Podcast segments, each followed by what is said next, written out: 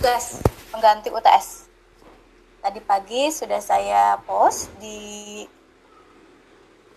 saya saya sudah post di Google Classroom eh, terkait dengan rencana tugas kalian ya. Jadi kalau mengacu ke polling kalau mengacu ke polling kita eh, mayoritas ya kalian menginginkan makalah ya. Tapi tentu saja saya tidak ingin masuk ke eh, majority diktator ya, ya sehingga yang minoritas dilupakan. Sehingga saya memberikan dua opsi untuk pembuatan uh, tugas kalian. Kalau misalnya ada yang ingin memberikan atau uh, membuat dalam bentuk makalah silahkan.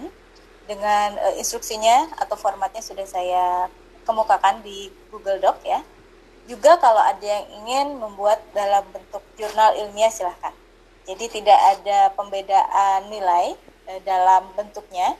Namun saya uh, akan memberikan penilaian berdasarkan analisis, kemudian sistematika dengan uh, tentu akan berbeda ya masing-masing bentuknya, tapi bukan nilainya yang berbeda ya.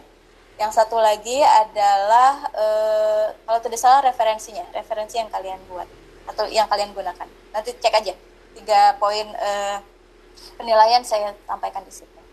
Jadi mulai sekarang silahkan nanti e, cari kira-kira tema apa yang ingin diangkat. E, kalian diskusikan e, bersama kelompok. Ada sekitar 10 tema. Itu mengacu pada isu kontemporer ya.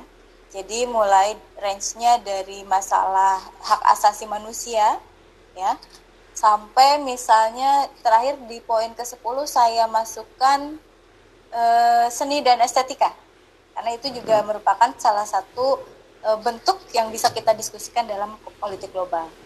Jadi range-nya cukup luas. Kalian bisa pilih e, isu apa yang ingin diangkat, tema apa yang ingin diangkat. Seperti kemarin, nanti kita diskusikan dalam share dokumen ya. Nanti saya berikan masukan kalau misalnya e, kalian ingin membahas sebuah isu tertentu. Saya rasa itu di awal ya. Mudah-mudahan eh, misalnya apa ya? walaupun kita terbatas, jadi 10 tema itu dipadatkan dalam bentuk makalah, nanti bisa saling share satu sama lain, antar kelompoknya bisa, bisa saling memberikan insight ya. Oke, eh, selamat datang untuk teman-teman yang baru bergabung. Uh, tadi saya kemukakan terkait dengan tugas, tapi nanti silakan refer ke Google Docs saja yang sudah saya sampaikan di Google Classroom. Uh, ada dua kelompok yang akan kita undang sebagai uh, istilahnya apa ya sebagai uh, pemateri kah? Apa apa ya ini? Mau disebut apa Riz? Disebut pemateri atau apa nih? Presentan atau apa nih? Jadi subjek aja teh subjek Oke, oke, oke. Akan memberikan istilahnya apa ya, uh, pemantik ya untuk diskusi kita. Tentu nanti juga teman-teman yang lain pasti sudah punya frame terkait apa itu instrumen militer, kenapa kita uh, istilahnya apa ya berbicara kalau saya sudah sampaikan di kuliah rekam kenapa abad 21 kita masih membicarakan uh, militer ya ada relevansi dan ada signifikansinya ternyata tidak terlepas dari dua hal tersebut dan uh, saya rasa kalau misalnya kalian perhatikan diskusi kita di minggu kemarin atau saya rasa di bagian interaksi ya kita sempat berbicara tentang action negara.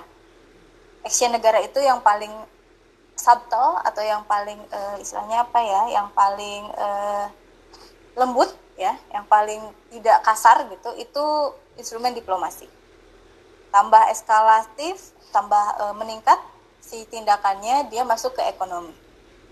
Dan satu lagi yang paling uh, kasar istilahnya yang paling harsh bentuknya adalah militer. Dan kalau kalian perhatikan, kita mendiskusikan action tadi backwards. Kita berbicara dari yang paling uh, harsh dulu nih, militer. Minggu depan kita membahas ekonomi. Diplomasi adalah salah satu bentuk action negara yang istilahnya paling uh, paling paling mungkin dilakukan uh, ya, yang paling sering dilakukan itu kita uh, bahas di perkuliahan terakhir dalam konteks instrumen ini. Jadi kalau kalian perhatikan kita bahasnya backwards dari yang paling uh, harsh ke yang subtle tadi. Tapi mudah-mudahan bisa kebahas semuanya uh, dalam bentuk uh, berbagai contohnya. Dan di sini saya tadi sudah menemukan dua contoh kasus yang sangat baik. Uh, close dulu untuk teman-teman yang membahas tentang instrumen militer. Yang satu tentang Nagorno Karabakh, ya. Yang satu lagi tentang Vietnam ya kalau tidak salah. Oke. Okay perang Vietnam dan satu lagi yang tentang Armenia dan Azerbaijan. Sebelum kita nanti diskusi lebih dalam ya, uh, saya ingin bertanya dulu ke kelompoknya Reva dan Faris. Kira-kira kenapa kasus tersebut yang diangkat? Reva dulu, kelompoknya Reva dulu. Kenapa uh, kalian tertarik dengan kasus Nagorno Karabakh? Nanti Faris uh, dan kawan-kawan juga pertanyaannya sama. Silakan.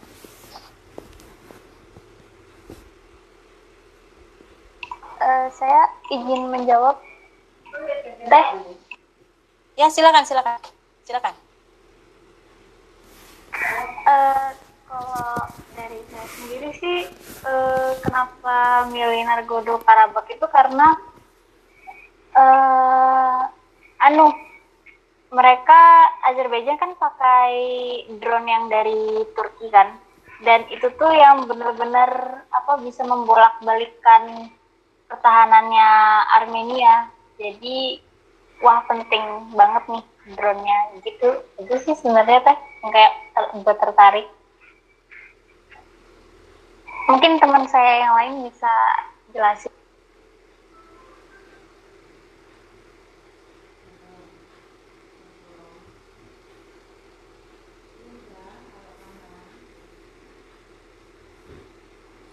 Uh, teh saya izin mau bantu jawab juga.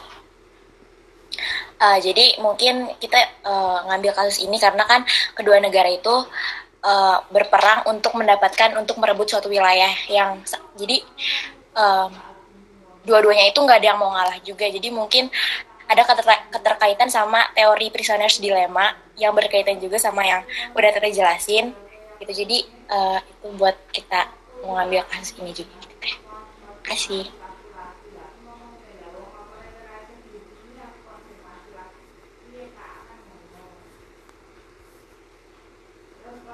Uh, teh masih di mute, di mute teh. Maaf. Oke, okay, ya lupa lupa sorry. Jadi uh, setuju Balkis tadi ada uh, sempat dinaikkan atau diangkat soal prisoners dilemma dan uh, tujuan dari penggunaan game teori dalam dalam politik internasional atau politik global adalah sisinya bisa diprediksi. Jadi sip konflik atau tindakan daripada oposisi bisa diprediksi. Thank you Balkis. Oke, okay. good ada lagi silakan dari Nagorno Nagorno Karabakh sorry susah ngomongnya Oke, kalau belum ada nanti bisa ditambahkan. Silakan kelompok Faris dan kawan-kawan terkait uh, eh, AS ya, intervensi AS di uh, Vietnam atau di uh, Asia Tenggara, saya lupa. Please. Jadi saya izin jawab ya Teh ya. Atau mungkin okay, saya okay. jawab dulu pertama nanti dibantu sama teman-teman yang lain fokus kita di videonya adalah tentang perang Vietnam, tetapi kita juga membahas sedikit tentang peran AS di Asia Tenggara secara lebih luas juga. Jadi alasan kita milih kenapa topiknya Vietnam teh karena perang Vietnam itu salah satu perang yang uh, signifikan di abad ke-20 karena melihat dipakainya banyak teknologi militer baru dan uh, sumber daya manusianya banyak banget sampai korban jiwa juga banyak dan signifikan juga karena uh, di situlah Amerika bisa dibilang kewalahan atau dia tuh nggak bisa mencapai tujuannya untuk uh, untuk merealisasikan apa yang diinginkan dari perang Vietnam. Mungkin bisa dilanjut sama yang lain, Sarah atau yang lain. Ya menarik, Chris. Silakan yang lain, nggak nambahkan. Aku mau nambahin boleh. Boleh, silahkan. Silahkan. Uh, menurut aku, uh, kenapa hal ini jadi penting juga? Karena uh, dari kasusnya juga kita bisa ngeliat ada opini publik juga di situ main peran dan instrumen militer juga uh, maksudnya penting gitu loh buat ada hubungannya dengan instrumen militer juga gitu. uh, saya sempat lihat di videonya ada first televised conflict gitu ya uh, masuk ke opini publik itu. Thank you saya iya teh. Iya. Riz nambahin apa Riz? Iya teh. Uh, dan juga menurut aku ini topiknya sangat berhubungan banget sama tugas di politik global karena intervensi militer ini bisa dibilang salah satu manifestasi dari instrumen militer untuk mencapai kebijakan luar negerinya Amerika. Karena kala itu Amerika sangat anti komunis dan dia nggak mau komunis bersebar dan uh, menurut mereka bahaya kalau komunis tersebar ke Asia Tenggara. Makanya mereka melakukan intervensi militer di Vietnam agar tidak terjadi domino efek. Itu teorinya teh. Ada satu istilah yang dikenal saat itu, containment policy. Mungkin teman-teman juga sudah pernah mendengar ya containment policy. Bagaimana kemudian perangnya uh, dalam konteks ideologis. Oke okay, thank you. Ada lagi? Silahkan uh, kelompoknya Sarah Faris.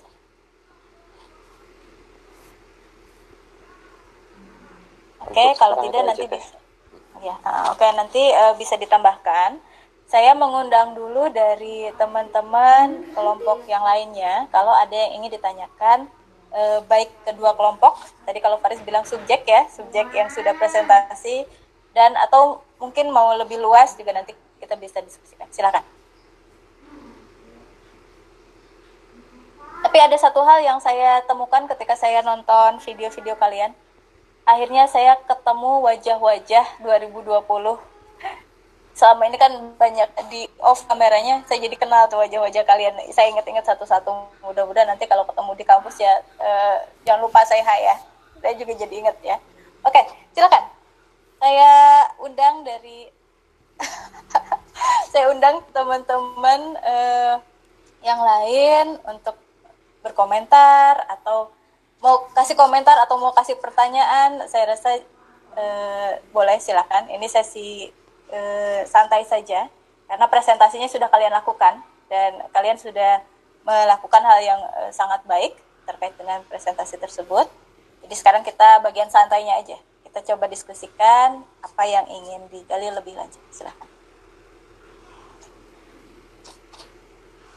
Yang baru datang jangan lupa absen. Takutnya nanti bermasalah. E, suka ribet soalnya kalau SBA-nya. Masih kalau ada yang ketinggalan absen. Um, saya mau tanya deh. Boleh, silakan Af.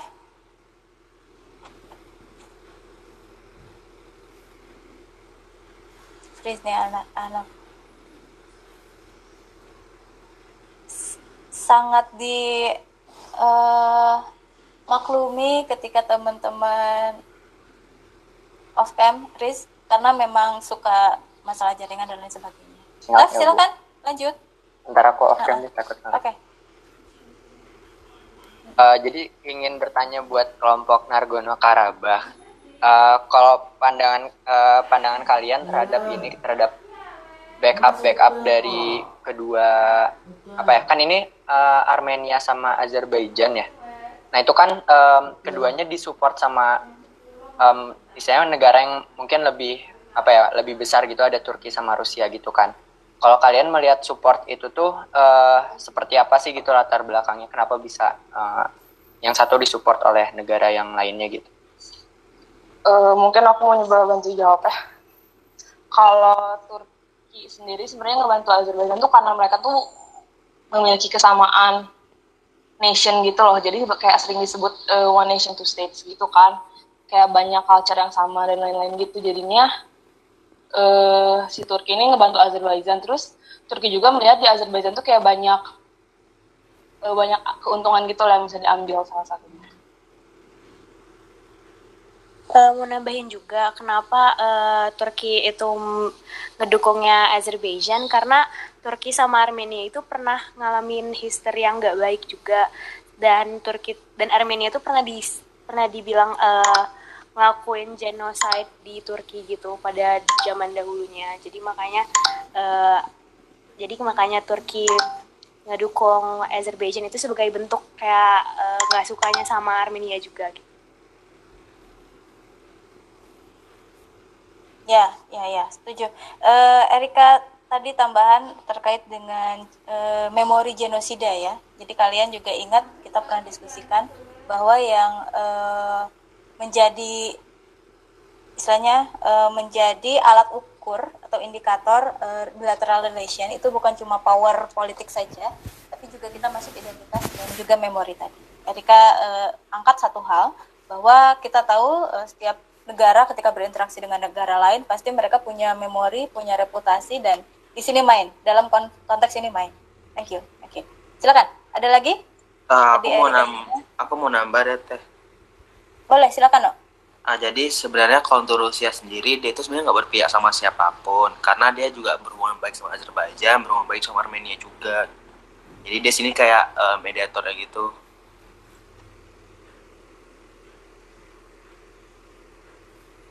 Mediator ya, oke. Okay. Naf, gimana Naf?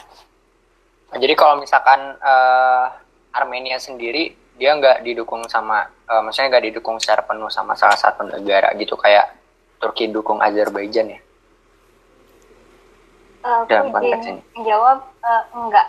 Ya, jadi yang dukung militernya mendukung militernya Armenia itu sebenarnya Rusia, tapi ada satu syarat di mana uh, militer yang dikasih Rusia itu nggak boleh dipakai buat konflik ini gitu loh. Jadi Rusia benar-benar cuma mau uh, jadi netral doang, ngebantu militernya, tapi jangan dipakai di konflik ini ya gitu tuh. Jadi agak aneh juga gitu. Oh gitu. Oke okay, oke, okay. thank you jawabannya semua. Jadi ada faktor tadi mediasi, kata Nino ya no ya, uh, dia masuk atau Rusia masuk sebagai bentuk mediasi kemudian ada tadi diangkat memorinya, kemudian ada masalah perbatasan juga di situ, ya, yang e, menjadi latar belakang atau kalau host bilang isu field, isu field daripada konflik tersebut. E, Oke, okay, sebelum masuk ke yang lain, silakan ada yang mau bertanya lagi. Yo, silakan yo. Baik, Bu. Soalnya masuk gak, Bu? Masuk, silakan saya uh, ingin bertanya terkait tadi yang kasus Armenia Azerbaijan. Uh, dalam kasus Armenia Azerbaijan itu kan uh, kenapa sih selalu disebutnya tuh apa ya lebih nyaman dikenal dengan sebuah sebutan frozen conflict dan juga uh, mengapa konflik tersebut uh, masih berlanjut sehingga sulit untuk diselesaikan dan apakah terdapat solusi yang baik dalam mengatasi uh, konflik tersebut. Tanpa melalui apa namanya pihak yang memanfaatkan konflik. Biasanya kan sudah ada kasus di mana negara itu ada negara yang memanfaatkan konflik tersebut untuk kepentingan negaranya gitu. Mungkin itu yang saya tanyakan. Oke silakan. Frozen konflik ya jangan jangan mulai nyanyi please. Jangan mulai nyanyi. Kalau ingat kata Frozen jangan mulai nyanyi. Uh, ini aku mau izin klarifikasi dulu. Tadi dia uh, pertanyaannya itu kenapa itu disebut Frozen konflik ya? Kenapa nggak berakhir-akhir gitu? Konfliknya uh, itu lucunya jadi gini uh, Naga Nagorno Karabakh yang susah kata-katanya itu tuh wilayah yang udah diakuin sama Azerbaijan ya tapi isinya itu kebanyakan orang Armenia. Jadi eh, kedua belah pihak ini sama-sama kayak merasa punya kepemilikan atas wilayah tersebut. Dan karena itulah makanya konflik ini nggak selesai-selesai sampai yang berakhirnya itu gara-gara memang Armenia udah benar-benar kalah dalam masalah militernya gitu loh. Ya bayangin aja drone lawan yang lain-lain jadi memang benar-benar kalahnya itu gara-gara mereka udah nggak punya kekuatan lagi bukan karena mereka nggak punya sesuatu buat diperjuangkan gitu. Secara, kalau kasarnya kayak gitu. Mungkin teman aku yang lain mau?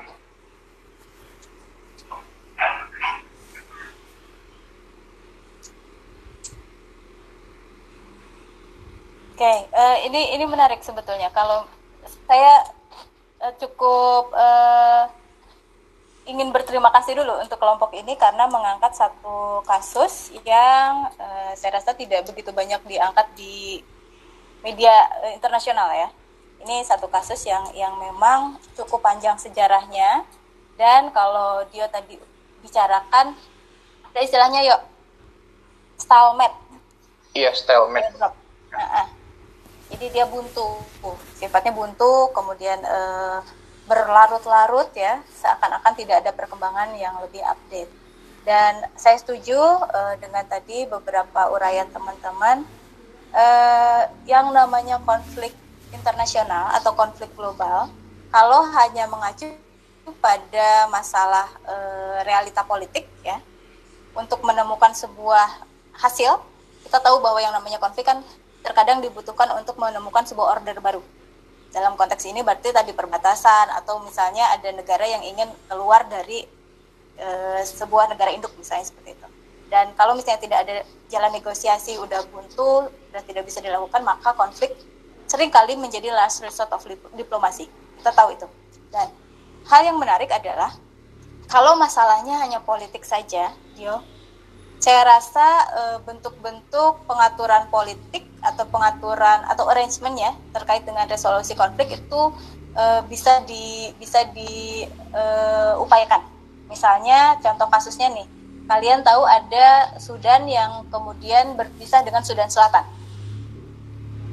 Nah ingat tahu itu ya. Nah salah satu caranya ketika ada konflik seperti ini ya sudah dipisahkan saja secara secara batas negara dengan dengan uh, konsekuensi satu negara punya kedaulatan tersendiri dan kemudian mengakui negara lainnya. Pada akhirnya konflik bisa berakhir di situ. Nah, namun ternyata dalam konflik internasional ada hal lain yang menjadi spektrum uh, akar daripada si konflik tadi yang kita kenal dengan identitas. Di sini Armenia, Azerbaijan, walaupun memang sudah diberikan opsi untuk misalnya e, berpisah saja secara e, perbatasannya udah dikasih garis batas yang jelas tapi tidak seperti itu. Tidak seperti itu e, se tidak segampang itu untuk menemukan titik temunya. Karena ada aspek lain ada spektrum lain yang bermain. Dan di sini dijelaskan di saya rasa di kajian apa ya saya lupa e, minggu kemarin tentang interaksi ya. Bahwa kalau misalnya cuma politik saja ordernya gampang titik temunya gampang resolusi konflik dicari uh, jalan tengah ya ya udah batasnya dipetakan dengan gampang maka konflik bisa direduksi atau bisa diredam. Tapi kalau masalahnya konfliknya ada ikatan identitas ini yang agak sulit dicari solusinya. Konflik ini sama seperti Israel Palestina yang bermain bukan cuma masalah batas negara tapi pride ya tapi identitas memori identitas tadi yang Erika sebutkan ada eh, ada memori di situ yang main. Bahkan mungkin narasi agama. Kalau misalnya kalian masuk ke konflik Balkan tuh di wilayah Balkan itu kan narasinya agama juga main di situ. Jadi thank you Dio untuk menanyakan ini dan teman-teman uh, dari kelompok Nagorno dan Karabakh ini mengangkat satu konflik yang uh, dia istilahnya tidak tidak sederhana dalam konflik uh, yang sifatnya politikal pure politik. Karena di dalamnya ada ikatan identitas. Dan akhirnya seperti itu. Dari tahun 20 sampai sekarang ya kalian sudah ba bisa bayangkan berapa lama si konflik tadi terjadi.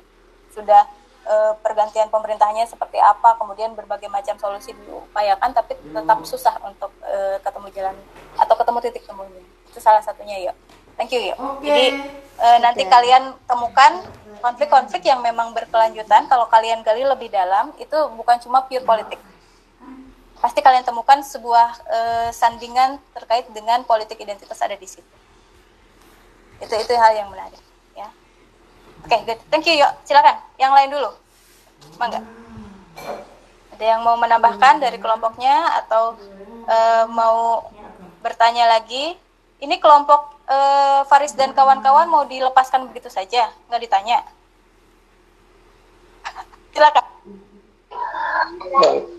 mungkin kalau untuk ya, malam, Vietnam di sini saya lebih apa ya mengutarakan opini terhadap uh, kasus kasus dari Vietnam itu sendiri. Kan kita tahu bahwa uh, Vietnam dalam apa ya terdapat secara historis ya itu ada yang namanya proxy war di mana proxy war itu sendiri merupakan sebuah konflik perang. Selama di situ peran instrumen militer juga ada Nah, namun hmm, di sini terdapat apa namanya penggunaan kekuasaan yang dilakukan oleh suatu negara uh, negara power yang cukup besar seperti Amerika dan uh, Rusia, uh, Rusia.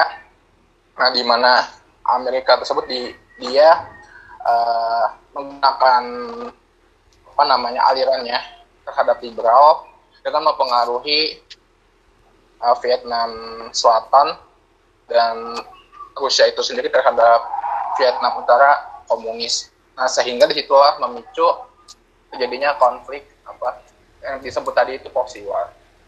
Mungkin itu saya hanya uh, mengutarakan opini terhadap proxy war itu teh. Iya, iya. Uh, saya rasa juga kalaupun proxy war ini sering kali dilekatkan dengan uh, narasi Cold War ya, ya, ya tapi juga kalian tem bisa temukan beberapa narasi konflik proksi ini di konflik-konflik yang sekarang muncul. Misalnya Suriah, di situ kan ada e, banyak banyak aktor eksternal yang bermain juga yang kemudian saling-saling melihat e, atau mengukur kekuatan satu sama lain di konflik tersebut. Atau seperti kasusnya ini ini hal yang menarik kalau kalian masuk ke konflik di Somalia contohnya. Somalia itu jadi seakan-akan seperti uh, wilayah latihannya untuk al, untuk uh, al sabab ya untuk teroris. Jadi mereka dijadikan uh, wilayah lakur kekuatan. Dan di sini juga masuk ke dalam konteks-konteks proxy tadi. Jadi uh, proxy bisa lebih luas ya uh, kajiannya. Jadi bukan cuma perang dingin tapi juga bentuk-bentuk tadi yang diutarakan uh, utamanya adalah untuk mengukur kekuatan tapi dilakukan lewat aktor lain atau ada istilahnya yang uh, aktor boneka itu ya. Aktor boneka itu yang kemudian disandingkan dengan proxy. Dan satu lagi mainnya tension. Kalau proxy war jangan jangan salah. Perang urat saraf istilahnya seperti itu. Jadi ada tension yang dimunculkan ada persepsi-persepsi yang dimainkan di situ.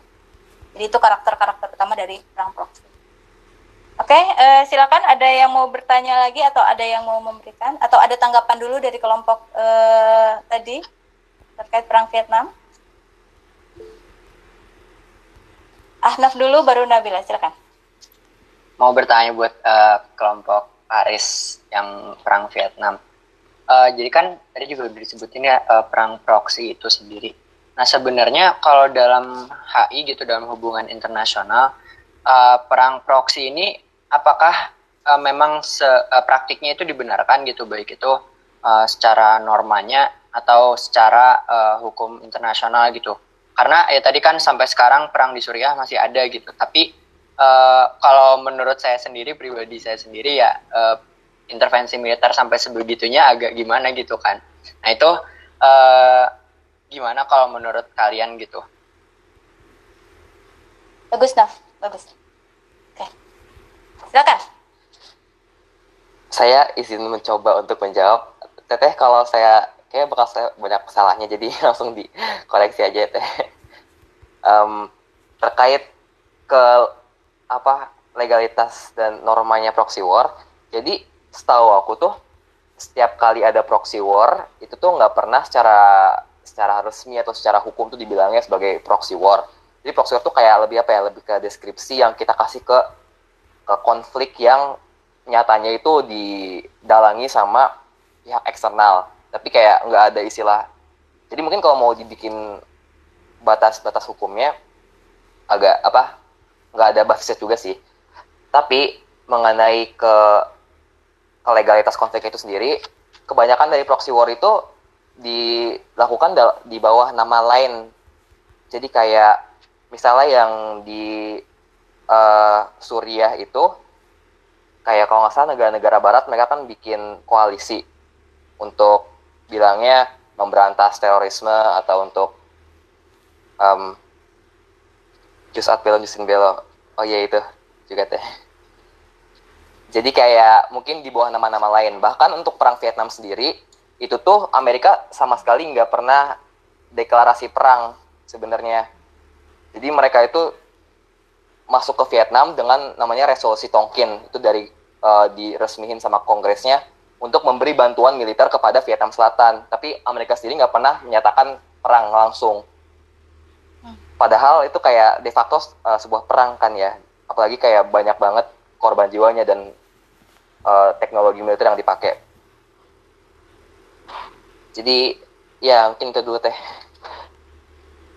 Oke, oke, Riz. silakan. Ada yang mau menambahkan dulu uh, terkait dengan tadi ya uh, pembenaran uh, atau justifikasi yang yang ditanyakan oleh Ahnaf. Aku mau nambahin boleh gak? Boleh, silakan secara bebas, tapi silakan. Ini, tapi ini sesuai pandangan aku, perspektif aku gitu. Uh, kebanyakan menurut aku proxy war itu dilakuin kayak apa ya negara yang jadi bonekanya itu nggak sadar maksudnya nggak sadar kalau misalkan dia tuh eh, sebenarnya lagi ada lagi di apa ya lagi didalangin gitu. Tapi uh, apa namanya Amerika sebagai apa ya dalangnya itu udah tahu gitu tujuannya tuh mau gini gini gini. Kalau misalkan uh, dalam situasi seperti itu kan dari perang Vietnam dia kayak ngiranya uh, wah aku butuh bantuan nih. Terus ada yang offering bantuan ya terima dong gitu kan.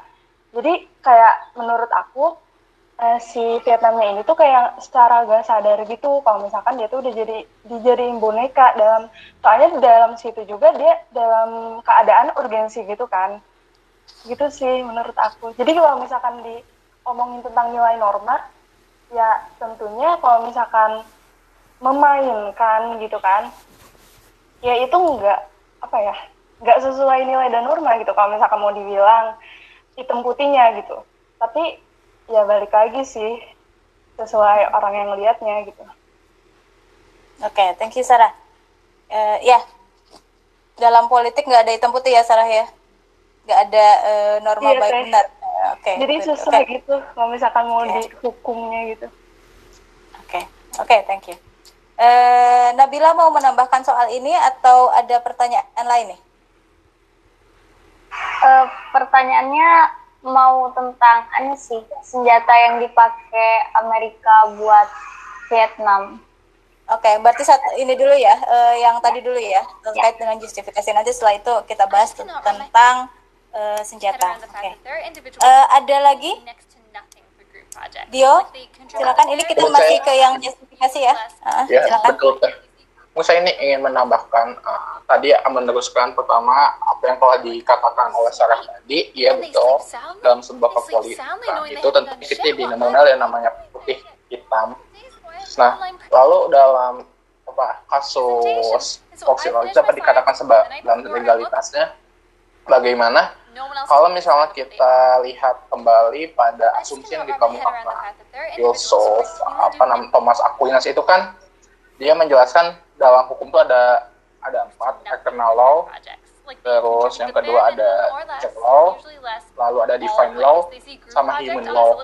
nah dalam human law ini sendirilah hukum yang dibuat oleh manusia ini itu sendiri.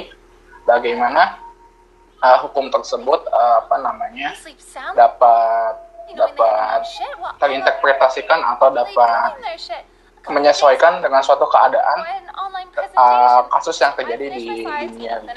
Jadi ketika suatu kasus konflik itu dapat dikatakan legalitas bagaimana, itu balik lagi tergantung bagaimana uh, seseorang atau individu dalam uh, menggunakan hukum itu. Mungkin itu yang dapat saya uh, sampaikan teh. Thank you, thank you Dio. Oke, okay, yang lain dulu yang sejarah ngomong, silakan ada yang suka malu-malu, saya undang nih, mau komentar dulu tentang tadi justifikasi perang, silakan. ada yang kelas ini saya rasa juga belum semuanya bisa uh, join dalam diskusi, ada yang masih malu-malu. Kalau misalnya ada yang mau mencoba silakan.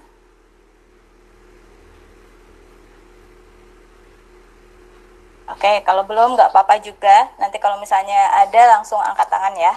Uh, Ahnaf ini menarik dan ini salah satu hal utama.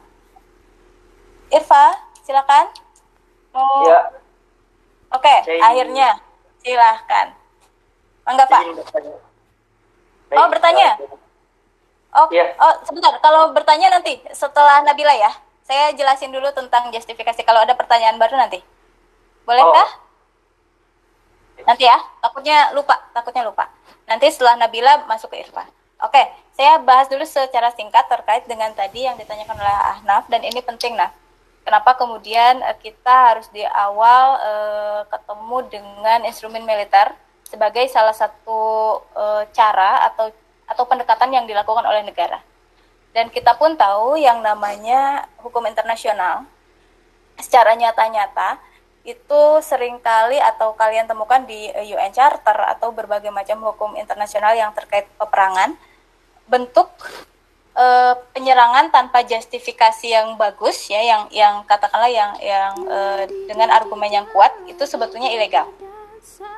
Secara nyata itu dinyatakan ilegal nah. Ya.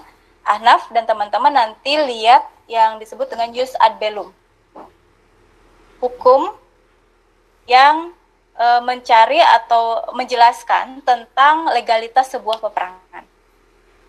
Beda dengan use in ini nanti akan ada kaitannya dengan pertanyaannya Nabila. Use in bello itu mengatur senjata apa saja atau teknik apa saja yang dilakukan dalam peperangan.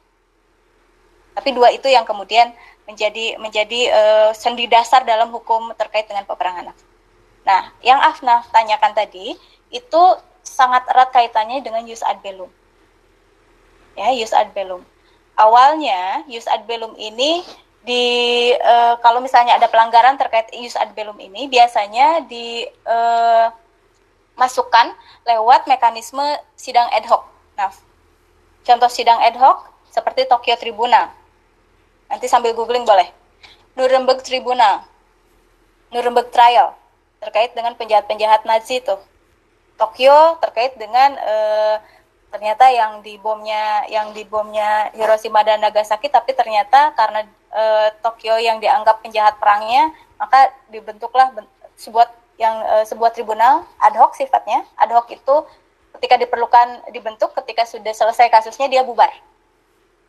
Ya awalnya seperti itu mekanismenya nah kalau ada pelanggaran terkait e, perang yang tidak sesuai dengan sendi-sendi jus ad bellum itu masuknya ke e, mekanisme ad hoc tadi ke sini sini ada tribunal Yugoslavia tribunal Rwanda ya e, saya lupa satu lagi oh e, Pol Pot tuh mana sih Pol Pot tuh Kamboja. Uh, Kamboja, uh, Kamboja sempat masuk ke mau diarahkan ke sana. Jadi secara hukum kalau misalnya ada pelanggaran terkait justifikasi perangnya tidak sesuai dengan jus ad bellum itu masuk ke sana awalnya. Tapi setelah tahun 98 Naf ada perubahan yang cukup signifikan. Tahun 98 ya nanti Ahnaf dan lain uh, teman-teman yang lain cari ada yang disebut dengan Statuta Roma. Statuta Roma ini menjadi uh, akar dari kelahiran ICC International Criminal Court. Sehingga saat ini dari tahun 98 IC diketok uh, dan diaktifkan tahun 2000 dari tahun 2000 ke sini kalau ada pelanggaran seperti yang Ahnaf tadi utarakan itu seluruhnya masuk ke dakwaan ICC nah. Jadi tidak ada hoc lagi. Kalau dulu kan ad hoc ya, uh, sewaktu-waktu ada uh, dibentuk kemudian hilang lagi. Jadi tidak permanen. Tapi tahun 2000 ke sini masuknya ke dakwaannya ke ke ICC nah. Itu hukumnya. Tapi tentu saja saya uh, menggunakan kata uh, kalimatnya Sarah tadi, frasenya dari Sarah, tidak hitam putih karena banyak sekali kasus-kasus yang miss. Kasus yang miss. Tapi bukan berarti sendi hukumnya tidak ada. Dan sering kali, Naf, kalau kalau kalian eh, tadi ketemu sendi hukum seperti itu, yang menarik adalah bukan yang menarik ya, yang yang bikin ironi gitu. Seringkali sebuah negara kalau dia mau melancarkan sebuah peperangan atau melakukan mobilisasi militer itu sering kali dibentuk dulu justifikasinya nah Anaf mungkin bisa perhatikan uh, sebelum ada penyerangan ke Afghanistan tahun 2001 itu dibuat dulu sebuah uh, narasi preventive war atau preemptive strike. Sehingga tindakannya tidak melancar, tidak melenceng jauh dari hukum yang ada. Padahal ya hukumnya dibentuk tahun saat itu juga gitulah justifikasi ini yang sering kali dimainkan dalam politik global. We, uh, intervensi militer uh, terkait dengan humanitarian intervention ini juga sering diperdebatkan. Jangan-jangan humanitarian intervention adalah bentuk justifikasi agar sebuah negara masuk dengan gampangnya dan uh, sesuai dengan use ad bellum negara-negara yang yang yang berkonflik. Padahal tadi tujuannya adalah proxy. Jadi itu yang sering kali dimunculkan.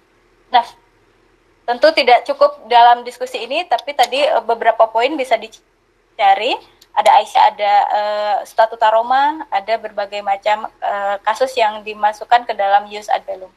Uh, hukum internasional sendiri terkait perang ada tiga, ya tiga kasus atau tiga pasal dasar. Yang pertama, uh, pasal yang pertama itu selalu mengacu pada kejahatan perang atau kejahatan agresi perang. Misalnya tadi Jepang uh, dia dikatakan sebagai sebuah negara yang bersalah karena uh, Pearl Harbor ya, kalian ingat itu itu yang disebut dengan wage uh, against international peace. Mereka merusak uh, tatanan sistem internasional. Itu yang pertama. Poin yang kedua, hukum uh, humaniter yang kedua itu terkait dengan bentuk-bentuk senjata atau teknik yang yang tidak sesuai dengan jus in bello. Poin yang ketiga, ya, kalau yang yang pertama tadi tentang kejahatan jus ad bellum, yang kedua jus in bello, teknik dan uh, senjata yang digunakan. Yang ketiga itu masuk ke kajian tentang uh, kejahatan yang istilahnya gross violation of human right, genosida dan lain-lain. Jadi ada tiga dasar tadi. Jadi uh, uh, pertanyaannya Ahnaf itu mengacu pada poin yang pertama, which against international peace. Seperti itu Naf ya. Oke. Okay. Thank you Naf untuk mengangkat ini. Uh, thank you. Sil silakan Nabila. Uh, ini sebenarnya ada dikit-dikit juga yang tadi udah dibahas sama Teh Ali. Tapi yang paling uh, kalau aku kan kalau dengar Vietnam War itu pasti terikatnya kan Agent Orange kan. Uh, dan gimana itu benar-benar kayak ngehancurin Vietnam uh, as a whole. Bahkan setelah warnya itu udah berakhir gitu loh. Dan tadi udah sebenarnya mungkin udah dijawab kali ya kayak Amerika itu dihukum nggak sih? Karena melakukan hal ini dan hukumannya itu gimana? Karena itu kan bukan kayak eh, apa ya kayak orang mati atau pakai bom doang gitu kan meninggal udah gitu. Agent orange itu kan kayak ngerusak uh, yang hidup juga kena rusakannya juga gitu kena dampaknya. Aku pengen tahu aja sih gimana Amerika dihukum kalau mereka dihukum. Itu aja sih teh. Hmm. silakan. Ya tadi Faris dan kawan-kawan silakan. Oke makasih Nabila Pohan pertanyaannya. nah, Agent Orange itu menarik banget jadi mungkin uh, perikosa sedikit Agent Orange itu adalah suatu bahan zat kimia cair yang digunakan oleh tentara Amerika uh, untuk apa dalam perangnya. Jadi bisa dibilang itu chemical warfare. Amerika tuh bawa pesawat-pesawat gede kayak bomber gitu dan mereka uh, nerbangin di atas hutan dan agent orange ini disemprot ke bawah sehingga pepohonan yang kena agent orange itu bakal mati dan dahannya itu bakal hilang sehingga mereka bisa ngelihat orang-orang yang di bawahnya sehingga bisa ditembakkan. Atau kalau kena orangnya langsung itu bakal ngasih reaksi yang sangat buruk kayak uh, soalnya itu kayak kimia yang bahaya. Nah, penggunaan agent orange ini tuh sebenarnya yang saya tahu hanya dalam jangka waktu beberapa tahun, jadi nggak nggak full dari awal sampai akhir perang Vietnam, dan diberhentikan karena banyak concern-concern ternyata yang uh, jangkanya panjang. Bahkan sampai sekarang banyak banget um, rakyat Vietnam yang masih ter ter efek efek sama Agent Orange bahkan setelah udah hampir setengah abad dari perang Vietnam pertama dimulai masih banyak orang-orang yang kena mutasi uh, kelahiran apa kerusakan kesehatannya kena kanker karena kimia ini. Nah, yang saya tahu Amerika memberikan kompensasi dalam bentuk uang finansial kepada pemerintah atau rakyat Vietnam. Dan itu tuh yang saya saya searching ini jumlahnya 230 million US dollar berarti 230 juta dolar tapi yang saya baca ini tuh um, untuk membantu upaya pembersihan uh, zat kimia yang masih ada dan untuk merawat orang-orang yang terdampak perihal hukuman terhadap Amerika Serikat yang saya kurang tahu itu maka saya belum pernah dengar tentang hukumannya tapi yang jelas Amerika memberikan kompensasi. Mungkin Teh Ali bisa menambahkan. Iya, iya. Uh, untuk ini uh, Nabila, hal yang yang menarik atau hal yang penting kita ketahui terkait dengan ICC dan statuta Roma, dia tidak berlaku surut. Jadi hanya menerima dakwaan uh, dari tahun 2000 ke sini. Jadi yang tadi eh, kasus-kasus uh, yang sebelumnya itu tidak masuk ke, ke ICC. Sayangnya itu Nabila. Jadi uh, ketika tahun 49 uh, sorry 45 kemudian 65 Amerika Serikat berada pada posisi superpower, hegemonic power dan kita tahu ternyata hukum internasional itu hanya berlaku untuk negara-negara yang kalah perang tidak untuk pemenang perang ya kita tahu itu juga. E, sehingga ketika pun ketika kita ketemu dengan sebuah sebuah e, lembaga yang permanen tadi dia tidak bisa menjangkau si kasus agent orange sendiri karena sifatnya yang tidak berlaku surut sayangnya itu. Thank you untuk mengangkat ini. Dan ya kalau ke sini-sini pasti sudah ada konvensinya pasti lebih e, ketat lagi. Dan kalau misalnya eh, mekanisme untuk pelaporan ke ICC itu bisa oleh negara, bisa oleh Dewan Keamanan, bisa juga oleh eh, komunitas internasional. Bisa misalnya eh, Amnesty Internasional atau organisasi-organisasi bisa melapor ke ICC. Itu Nabila. Tapi eh, tadi Agent Orange sendiri spesifik dia tidak tidak bisa masuk ke jangkauan ICC. Oke, okay, thank you. Makasih, Teh. Irfa, silakan. Oh ya, makasih juga, Pak. Silakan. Oh, Oke, okay, baik. Saya ingin uh, bertanya, uh, kan salah satu konsep negara itu kan ada kedaulatan ya, yang mana negara itu punya hak sendiri untuk uh, menyelesaikan konflik yang ada di dalamnya.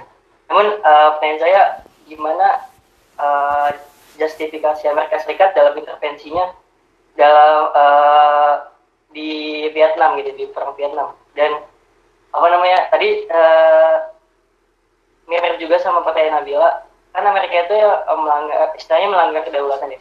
Namun uh, siapakah organis, uh, pihak atau organisasi yang bisa menghukum negara-negara uh, besar seperti Amerika Serikat karena uh, kita tahu ada gak ada negara maksudnya negara yang punya kapabilitas untuk menghukum negara yang besar gitu sih. Itu aja sih. Thank you, Pak. Oke. Okay. Silakan, silakan. Yo, uh, digali dulu silakan dari kelompoknya tadi yang terkait dengan perang Vietnam. Mungkin saya izin jawab lagi. Mohon maaf ya lagi-lagi saya lagi saya lagi. Jadi terkait dengan apa justifikasi yang digunakan Amerika Serikat untuk masuk perang Vietnam, jawabannya adalah yang paling umum dianggap sebagai jawabannya adalah kejadian di Teluk Tonkin. Jadi di semenanjung Indochina di daerahnya Vietnam itu ada teluk yang namanya Teluk Tonkin. Nah, di situ tuh sebenarnya um, Amerika Serikat sudah memberikan bantuan secara apa bantuan kepada militer Vietnam Selatan, tetapi Amerika tuh belum sama sekali menaruh uh, pasukannya di daratan Vietnam, jadi belum secara direct masuk ke konfliknya ketika um, kapal Amerika ini ada di Teluk Tonkin itu tuh teluk yang berdekatan sama daerahnya Vietnam Utara. Saya lupa nama kapalnya apa tapi kapal ini tuh diserang oleh uh, dari Vietnam Utara. Atau setidaknya laporan resminya mengatakan demikian. Jadi karena kapal Amerika diserang sama pihak Vietnam Utara duluan, maka Amerika menggunakan hal tersebut untuk menjustifikasi uh, retaliasi, retaliasi terhadap pasukan Vietnam Utara. Jadi uh, itu yang membuat Kongres Amerika tuh uh, masuk ke perang di Vietnam Utara. Tapi sebelumnya sebenarnya situ ada banyak kayak konspirasi juga sih ada teori konspirasi juga um, bahwa dan ini sebenarnya faktual juga sih um, ternyata tuh uh, banyak salah kesalahan interpretasi dari Amerika sendiri. Jadi yang mereka kira itu torpedo ternyata bukan torpedo atau sesuatu kayak gitu saya lupa uh, detailnya. Maka maka dari itu sebenarnya banyak orang yang menganggap perang Vietnam itu bukan perang yang terjustifikasi karena uh, laporan yang dibuat mengenai resolusi Tonkin itu banyak aspek-aspek yang didramatisir, yang dilebay-lebaykan. Uh, katanya tujuannya biar Amerika itu emang ikut perangnya gitu, biar bisa melakukan containment polisinya secara langsung. Tapi mungkin tuh uh, untuk di didalami lain kali. Terus tadi ada pertanyaan dari Irfa tentang apa?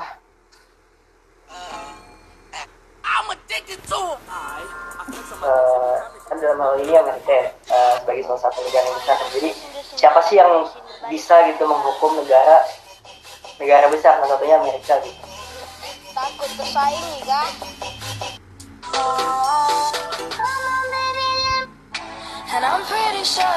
Kurang tahu deh, kayaknya nggak ada. uh, Çok şükür. Kalau itu mungkin saya serahin ke kali aja dulu. Bismillah. Soal jawaban dari saya, uh, setahu saya uh, terkait perang Vietnam tuh nggak pernah ada um, suatu hukuman yang menyatakan Amerika salah dan harus memberikan kompensasi sekian, tapi mungkin kompensasi yang diberikan Amerika itu inisiatifnya Amerika sendiri, seperti yang tadi Agent Orange uh, sebagai tindakan kemanusiaannya atau uh, kepentingan politiknya. Oke, okay. uh, thank you, Riz. Ada yang mau mencoba menjawab tuh pertanyaannya Irfa yang kedua. Yang pertama tadi saya rasa nggak masalah uh, terkait dengan penting ya, uh, dan juga uh, saya menambahkan sedikit bisa jadi justifikasi perang itu dari international dispute misalnya perbedaan persepsi batas negara dan lain sebagainya atau misalnya ada kapal atau perahu yang kemudian secara sengaja atau tidak sengaja itu bisa masuk ke dalam justifikasi perang juga. Atau ada yang kemudian diculik seperti kasusnya Israel Lebanon itu kan kejutan tentara dan dijadi perang. Jadi justifikasi perang itu bisa macam-macam. Uh, yang paling banyak sih kasus internasional pengaturan uh, hukum internasional batas-batas wilayah uh, kita tahu juga India dan uh, Cina masuk eskalasi konflik ketika ada uh, suci ya masalah soal sungai dan sebagainya. Ya, Maulidan, silakan. Uh, kalau menurut saya sendiri sih uh, bisa saja gitu. Uh, tapi karena uh, misalnya uh, permasalahan ini uh, semacam ini tuh uh, Vietnam tuh kayak negara kecil gitu negara remeh. Jadi uh, misalnya permasalahan uh, yang ada di, negara itu uh, bisa aja nggak nggak di up gitu. Bahkan kayak terabaikan. Nah uh, jadi kalau menurut saya tuh bisa bisa aja. Tapi tergantung uh, misalnya gimana uh, apa ya pemikiran masyarakat. Jadi kayak ada penekanan misalnya buat ke si Amerika itu sendiri buat dihukum tapi kan uh, menurut saya Vietnam itu itulah negara remeh jadi uh, mungkin uh, terlupakan ataupun bahkan terabaikan jadi sehingga permasalahan ini tidak eh, sulit untuk di apa di, dibahas uh, buat uh, pengadilan buat Amerika kasih Thank you, thank you Maulida. Sarah, silakan. Kita masih punya waktu lima menit lagi nih. Aku mau coba jawab, tapi sebenarnya kurang lebih sama sih kayak Idan. Sebenarnya bisa, tapi tapi itu sulit banget gitu loh. Misalkan kayak gimana ya, negara yang besar itu kebanyakan kayak dia tuh punya caranya sendiri buat, misalkan dia dituduh apa, terus dia tuh kayak udah punya apa ya, preventifnya sendiri gitu loh. Kalau misalkan dia mau dituduh ini, ya aku punya ini gitu. Jadi susah gitu loh, permainan mereka tuh ribet, kompleks, dan dan kitanya juga susah. Kalau misalkan mau mau buat ngehukum gitu ya itu bakal jadi perjalanan yang panjang banget gitu. Apalagi kalau misalkan kita mau ajuin ke Dewan Keamanan PBB lah dia juga jadi apa sih istilahnya jadi penentu di dalam PBB-nya juga gitu. Jadi mau lapor ke siapa kayak susah tapi mungkin bisa someday. Saya mau nambahin contoh Sarah. Okay. eh boleh nggak teh? oh iya silakan. jadi bener banget yang kata Sarah kalau mereka tuh udah punya cara-caranya sendiri biar uh, menghindari hukuman. Contohnya adalah kalau Amerika Serikat mereka ini sengaja tidak menjadi anggota atau tidak meratifikasi uh, menandatangani the International Court of Justice. Jadi secara resmi mereka itu bukan bagian dari ICJ sehingga kalau ada hmm, apa ya kayak legal legal binding terhadap Amerika yang dikeluarkan ICJ atau investigasi uh, Amerika bisa bilang ya ICJ kita bukan bagian dari ICJ ICJ nggak le legitimate gitu mirip-mirip kayak kasus uh, asylum Kolombia, Peru gitu, di mana Perunya itu nggak menganggap Montevideo-nya itu legitimate. Jadi uh, contohnya kemarin waktu di perang di Timur Tengah ada investigasi yang pengen dilakukan oleh ICJ terhadap kejahatan perang yang dilakukan oleh tentara Amerika seperti penyiksaan gitu-gitu. Tapi Amerika itu ICC mungkin ya, Riz. Oh iya ICC. ICC. Beda, International ah, Court ICC. of- ah. International Criminal Court. Criminal Court. Maaf ketuker deh. Tapi uh, kurang lebih sama ya ininya. um, Aduh, jadi Amerika itu Donald Trump bilang kalau pacaran ya. ICC nggak punya legitimasi atas investigasi ini. Kita sama sekali nggak mendukung. Tapi yang bikin ngeselinnya bahwa Amerika itu menggunakan uh, kasus-kasus ICC lainnya untuk mendukung uh, kepentingannya sendiri. Contoh kalau ada negara lain yang ingin diinvestigasi, itu Amerika sangat mendukung dan Amerika bahkan bilang Amerika merujuk kepada penemuan-penemuannya ICC untuk uh, apa ya? Misalnya kayak di negara Su- Suriah ada suatu kejahatan yang diinvestigasi ICC, Amerika menggunakan rujukan dari mereka, sementara Amerika sendiri nggak mau diinvestigasiin. Jadi emang ngeselin sih kalau Amerika itu. Ya, thank you, Riz. Saya nambahin sedikit aja karena waktunya udah mepet banget. Eh, kalian ingat dulu terkait dengan eh, hegemonic power ya. Saya pernah sering bahwa yang namanya hegemonic power itu ada beberapa hal yang harus dia penuhi. Ada soft power, ada militer, ada ekonomi. Pernah ingat ya, ada satu bagan yang pernah saya eh, berikan. Nah, di ujungnya ada institutional power. Nah, di sini kita ketemu dengan narasi eh, pertanyaannya Irfa tadi. Ternyata hegemonic power adalah kalau ingat eh, diskusi yang lalu, yang namanya hegemonic power atau negara superpower itu adalah negara yang punya pola tersendiri dalam menentukan eh, interaksi antar negara subordinat. Dan salah satu polanya itu dibentuk lewat institutional power. Jadi eh, tadi contoh-contohnya kalau misalnya masuk ke eh, kuliah hukum pasti jelas ya hukumnya seperti apa. Tapi kalau masuk politik global itu lain soal. Kita ketemu dengan spektrum ini bahwa permainan hegemonic power kenapa sering kali dia dia berada di luar hukum karena dia yang kemudian mempersiapkan eh, berbagai macam eh, institutional power tadi untuk eh, menjadi justifikasinya. Thank you Pak untuk mengangkat ini, ini penting sekali. Dan permainan ini atau eh, narasi ini akan sangat kental dalam konteks instrumen eh, militer. Thank you ya. Oke, eh, sudah 10.30. Terima kasih untuk kelas A. Applause untuk teman-teman yang sudah eh, susah payah untuk mempersiapkan presentasinya. Kita ketemu lagi minggu depan. Assalamualaikum warahmatullahi wabarakatuh. Waalaikumsalam. Terima kasih banyak Teh. Waalaikumsalam warahmatullahi wabarakatuh. Ramadan Mubarak Teh. Terima kasih Teh. Oke, cut. Bener-bener pas dong.